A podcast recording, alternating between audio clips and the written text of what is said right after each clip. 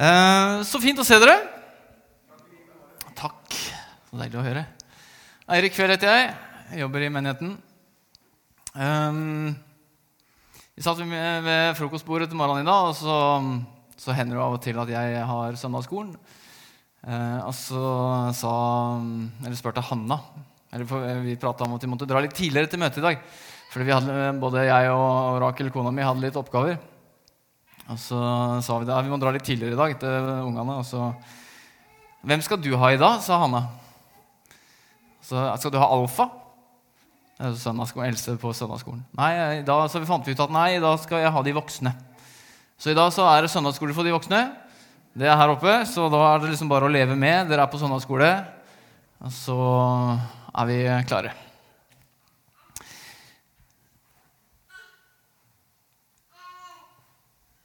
Jeg skal prate om nåden i dag. Jeg jeg gleda meg til. Og så er det litt utfordrende også, kjenner jeg. Av flere grunner, men det kan vi komme tilbake til.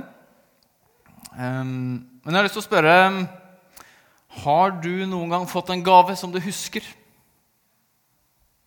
Liksom, ser dere for dere en spesiell type gave som du fikk liksom, når du var eh, ti eller åtte? Det er ofte når man er litt mindre, da man husker gavene. Dette er en av mine gaver som jeg husker. Det er da min far som eh, har gitt meg en altfor stor sykkel. Så Jeg tror jeg var eh, ni da jeg fikk den. Så Jeg vet ikke helt åssen jeg klarte å sykle på den, for den eh, ser jo bare altfor stor ut. Men det er den også. Veldig, veldig stolt over denne sykkelen. TVS het den.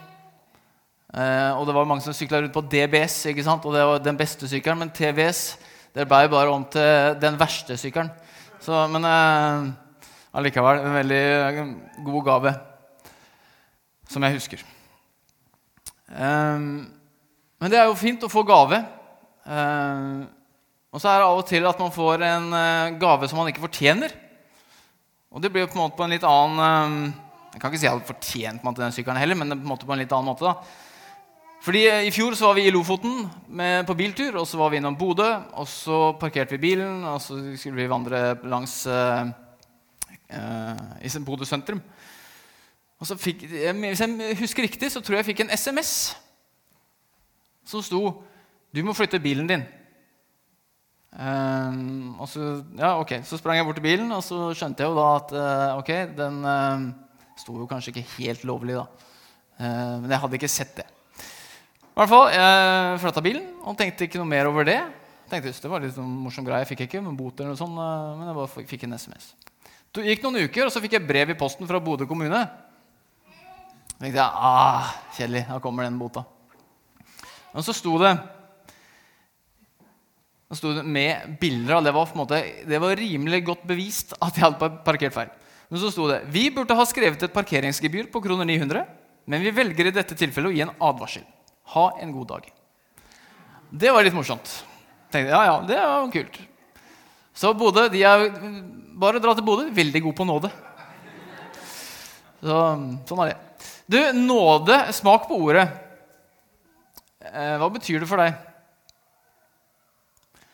Er det et ord som eh, Ja, skal man si, som på en måte kanskje ikke betyr så mye? Altså, man har prata så mye om det. Man har hørt så mye om det. Eller er det et ord som er livsforvandlende?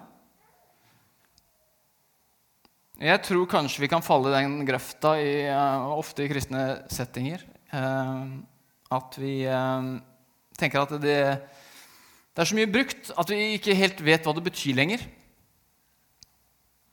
Vi bruker det også i dagligdagse språk når vi prater med hverandre. Vi kan være nådige med hverandre, men hva legger vi i det?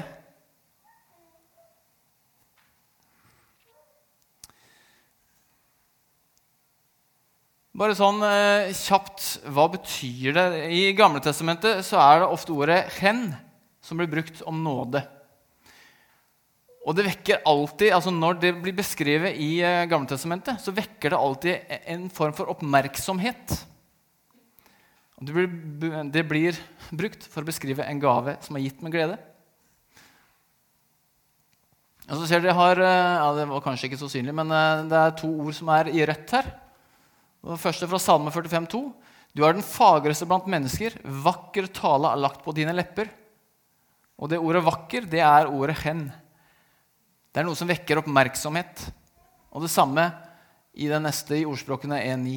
Lytt, lytt, min sønn, til din fars formaning. Forkast ikke rettledning fra din mor. For det er en vakker krans om hodet, et kjede som pryder halsen din. Det er noe som eh, er oppmerksom, altså, eh, som vekker oppmerksomhet. Og en gave som er gitt med glede. Hvis vi går litt videre Hvis dere husker Ester fra Esters bok 'Dronning Ester' så skulle, Hun var jo jøde. Eh, og så blei en lang historie fortalt veldig kort. Så blei det bestemt, altså kongen bestemte litt sånn via via at hele det jødiske folket skulle bli utrydda. Eh, og så går Ester inn som jøde og som kone, altså som dronning. da, Kona til kongen. Så går hun inn og banker på døra og har sånn sett ikke lov til å komme inn til kongen uten å ha egentlig fått en tillatelse for det. Men hun presser seg på, og så ber hun om hen. Hun ber om nåde for sitt folk, og får det. Og så har man den ultimate formen for nettopp ordet 'hen'. Og det er når noen, når noen innfrir dette til noen som fortjener straff. Guds offer på korset. Nåden er gratis for mottakeren, men den, den betyr alt. Altså den koster alt for den som gir nåde. Og Det er bare sånn, en sånn enkel ting som å tilgi noen. At det kan være så vanskelig noen ganger. Det forundrer meg flere enn én en gang. På meg sjøl. Jeg syns det er så vanskelig å innrømme feil. Men det er bare en sånn liten greie, dette som Jesus har gjort på korset. Det har jo så større, et så mye større offer. Så nå har jeg lyst til å be en kort bønn før jeg går videre. Um, ja. Takk, Herre, for muligheten jeg har her til å formidle noe av uh, din nåde. Og jeg ber Jesus om at du skal gjøre det gjennom meg på en sånn måte sånn at jeg ikke forminsker uttrykket på noe som helst måte, men at jeg kan få lov til å formidle det på en, på en ekte på en uh, måte som du ønsker nåde skal bety, og som vi skal få lov til å forstå hva det betyr. Amen. Jeg har tre punkter da, som uh, en eh, fin tale skal ha.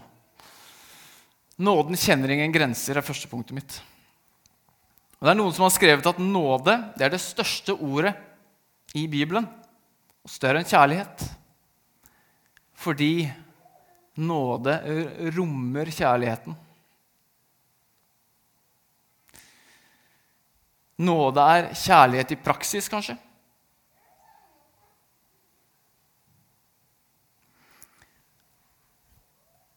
Her har jeg satt opp to personer.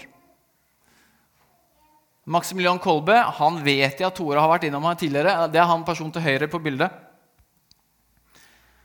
Han var en katolsk prest som blei ble satt i Auschwitz fangeleir under krigen. Og der var det sånn at eh, mens de jobba i denne leiren, så fant plutselig tyskerne ut at det var en fange som hadde rømt. Eh, og som straff for det så var det ti personer som tilfeldig ble plukka ut, som skulle bli drept, eller som skulle bli satt i gasskammer.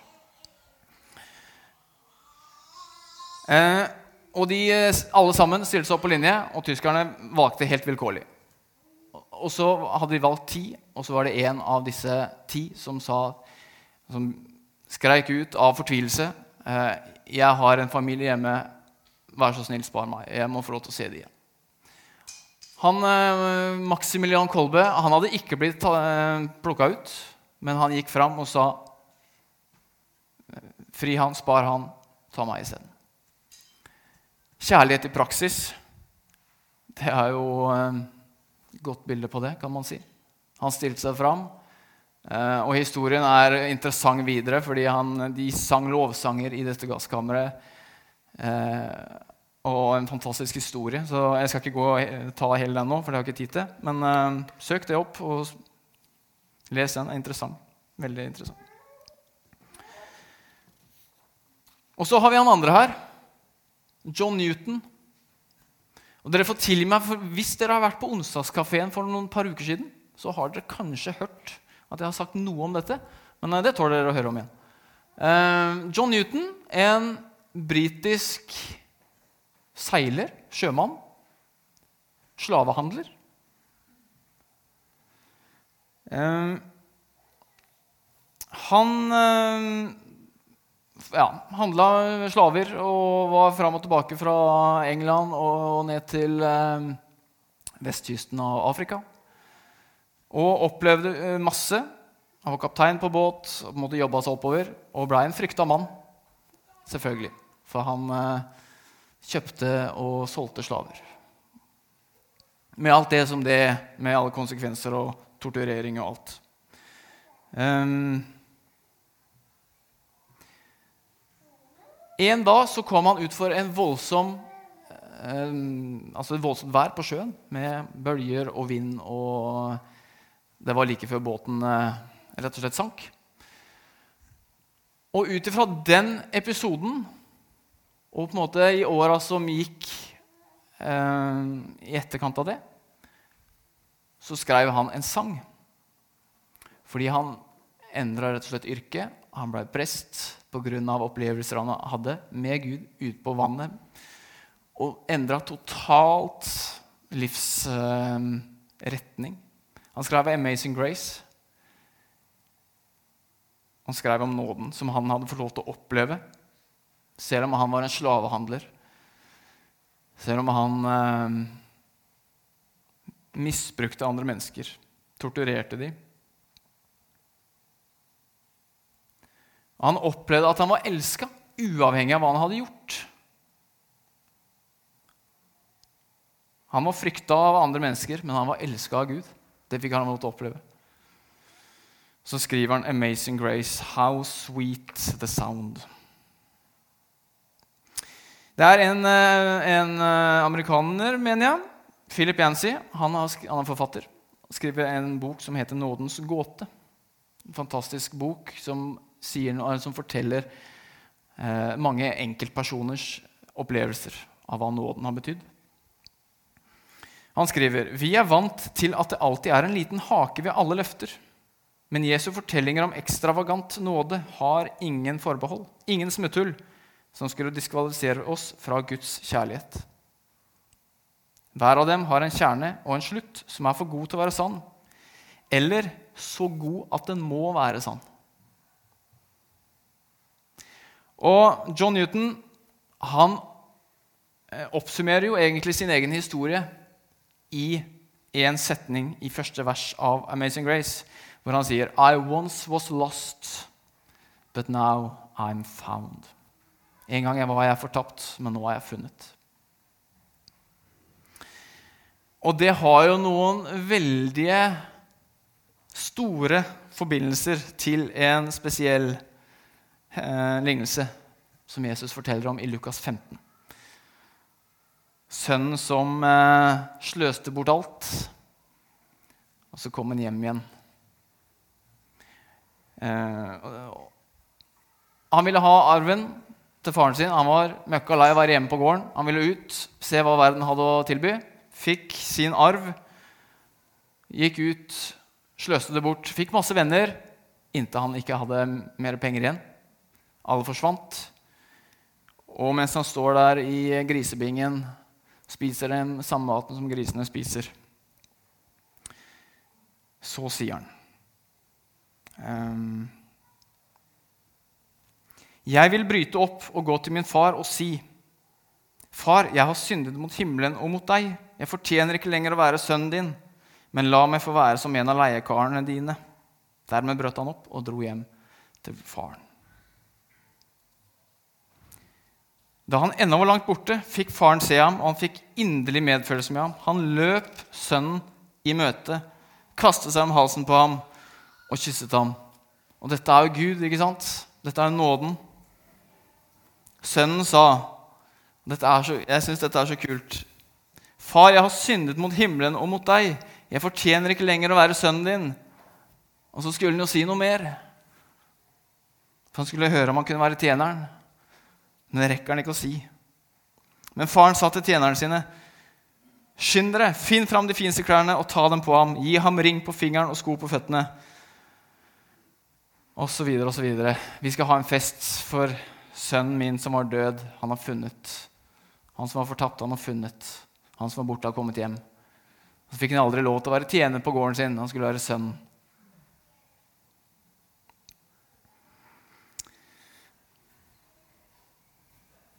Ja, der er Amazing Grace.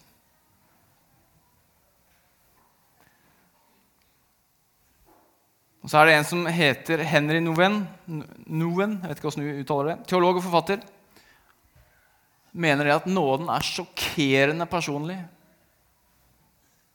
Gud gleder seg, ikke fordi verdens problemer er løst, ikke fordi alle menneskelig smerte og lidelse har tatt slutt, ikke fordi tusener av mennesker er omvendt og nå lovpriser ham for godhet. Nei, Gud gleder seg fordi ett av hans barn som var tapt, er funnet igjen. Nåden er sjokkerende personlig.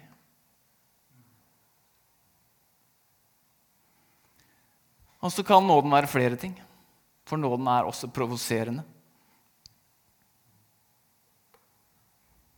Hva mener jeg med det?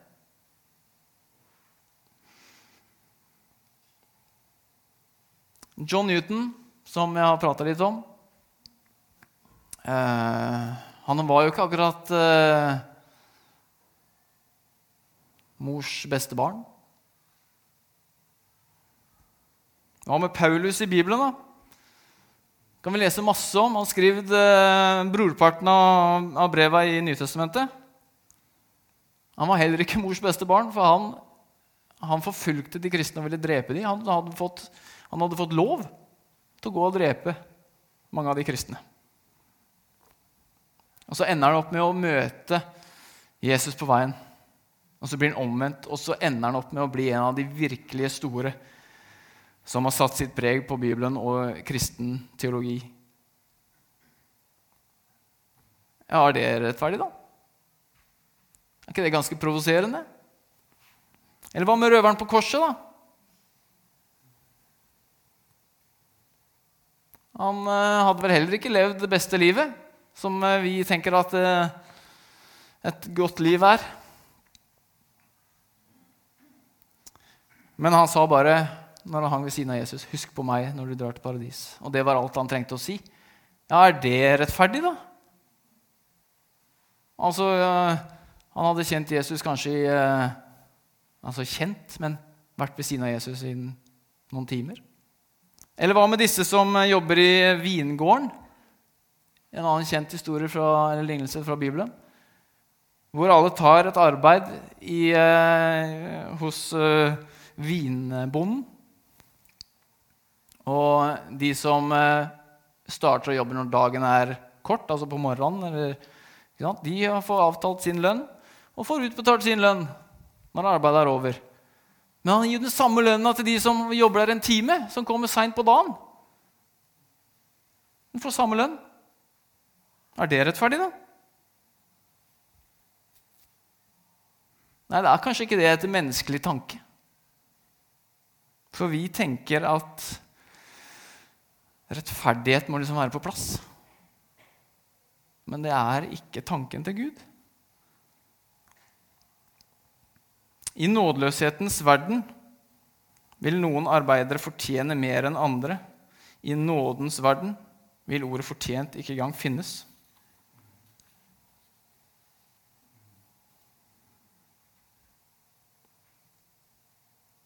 Det går ikke an å fortjene nåden.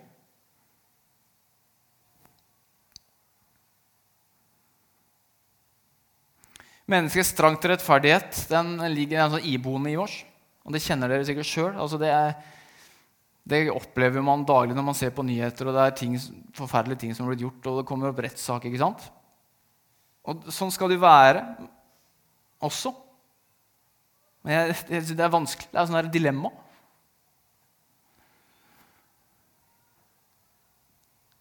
Men nåden er også enda større enn den er provoserende for den det gjelder. Nå skal jeg vise et bilde. Jeg skal ikke si så mye om det bildet. Men det er provoserende.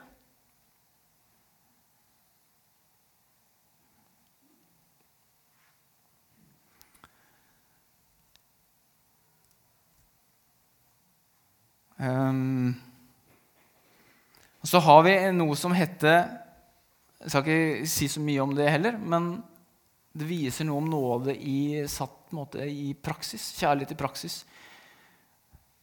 Og det er The Truth and Reconciliation Commission. Jeg vet ikke om dere husker hva det er, men det er altså oppgjørets time etter apartheid i Sør-Afrika. Hvor Desmond Tutu leder det. Og hvor eh, i rettssak Det er full rettssak med alle som på en måte har vært en del av dette. Og hvor hver eneste en som har gjort forbrytelser, må komme inn i rettssaken, og så må de bekjenne det de har gjort. Og hvis de bekjenner det de har gjort, så får de lov til å gå fri.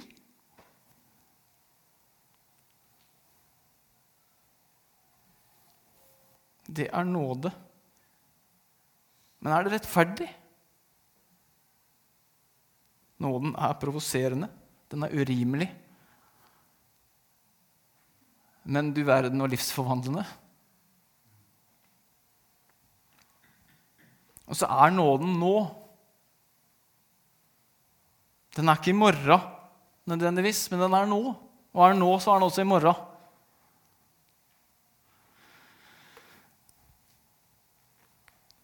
Salmene fra Salme 22 og Salme 23 eh, er ikke så langt fra hverandre i Bibelen. De kommer rett etter hverandre, faktisk. Eh, men du verden eh, innhold. Her er det mye Her er det stort Eller stort eh, De er langt fra hverandre, for å si det sånn. Salme 22. Min Gud, min Gud, hvorfor har du forlatt meg? Hvorfor er du så langt borte når jeg trenger hjelp og skriker ut min nød? Min Gud, jeg roper om dagen, men du svarer ikke. Jeg roper om natten og får ikke ro. Vær ikke langt fra meg, for nøden er nær, og det er ingen som hjelper. Jeg renner bort som vann, alle mine bein er løsna. Utvalg av vers fra Salme 22. Salme 23, som er mer kjent, kanskje. Herren er min hyrde, jeg mangler ingenting. Det er så fint På engelsk da står det The Lord is my shepherd, I shall not want. Så jeg, jeg trenger ikke å mangle noe. Jeg trenger ikke å ønske meg noe. Jeg mangler ikke noe. Han lar meg ligge i grønne enger. Han leder meg til vann der jeg finner hvile. Han gir meg nytt liv. Du dekker bord for meg like foran mine fiender. Du salver mitt hode med olje. Mitt beger renner over utvalg der også.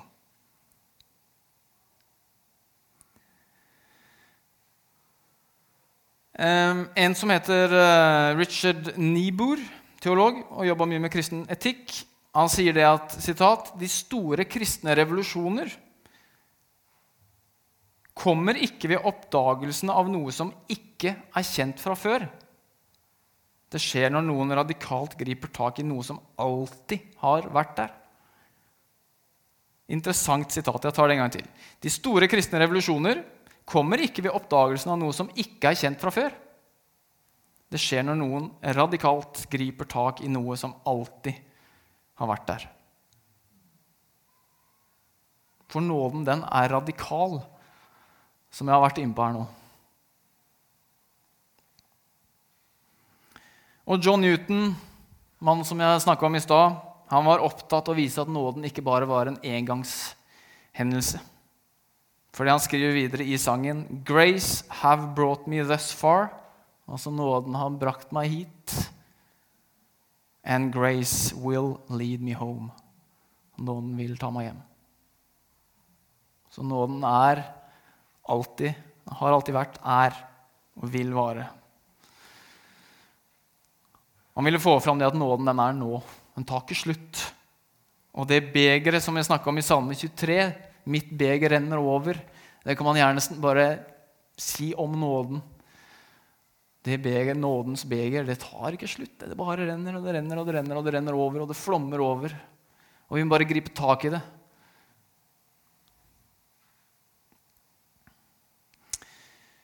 Historien om Amazing Grace minner oss om at selv en av eh, de verste slavehandlere eh, kan få tak i nåden, kan oppleve nåden. Og Da tenker jeg at når han kunne, så kan jeg, og da kan du. Og da kan vi alle.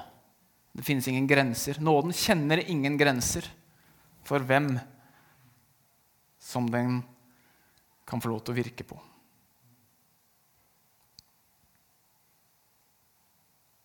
så tenker jeg at eh, Ikke vent med den, da. Grip tak i den nå. Ikke vent med den nåden. Ikke vent med den til i morgen eller til neste uke. eller Nei, når jeg blir eldre. Grip tak i den nå, for den trenger vi alle. Den trenger vi alle. Takk, Herre, for din nåde.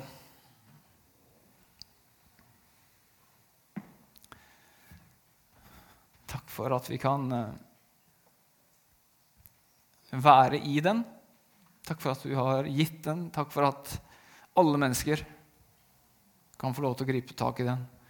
Selv uansett hvor urettferdig eller provoserende det er, så må du hjelpe oss til å se at eh, sånn vi tenker rettferdighet, sånn vi tenker nåde, så er du bare en annen liga. Må du hjelpe oss til å kobler vi oss på dine tanker. I Jesu navn.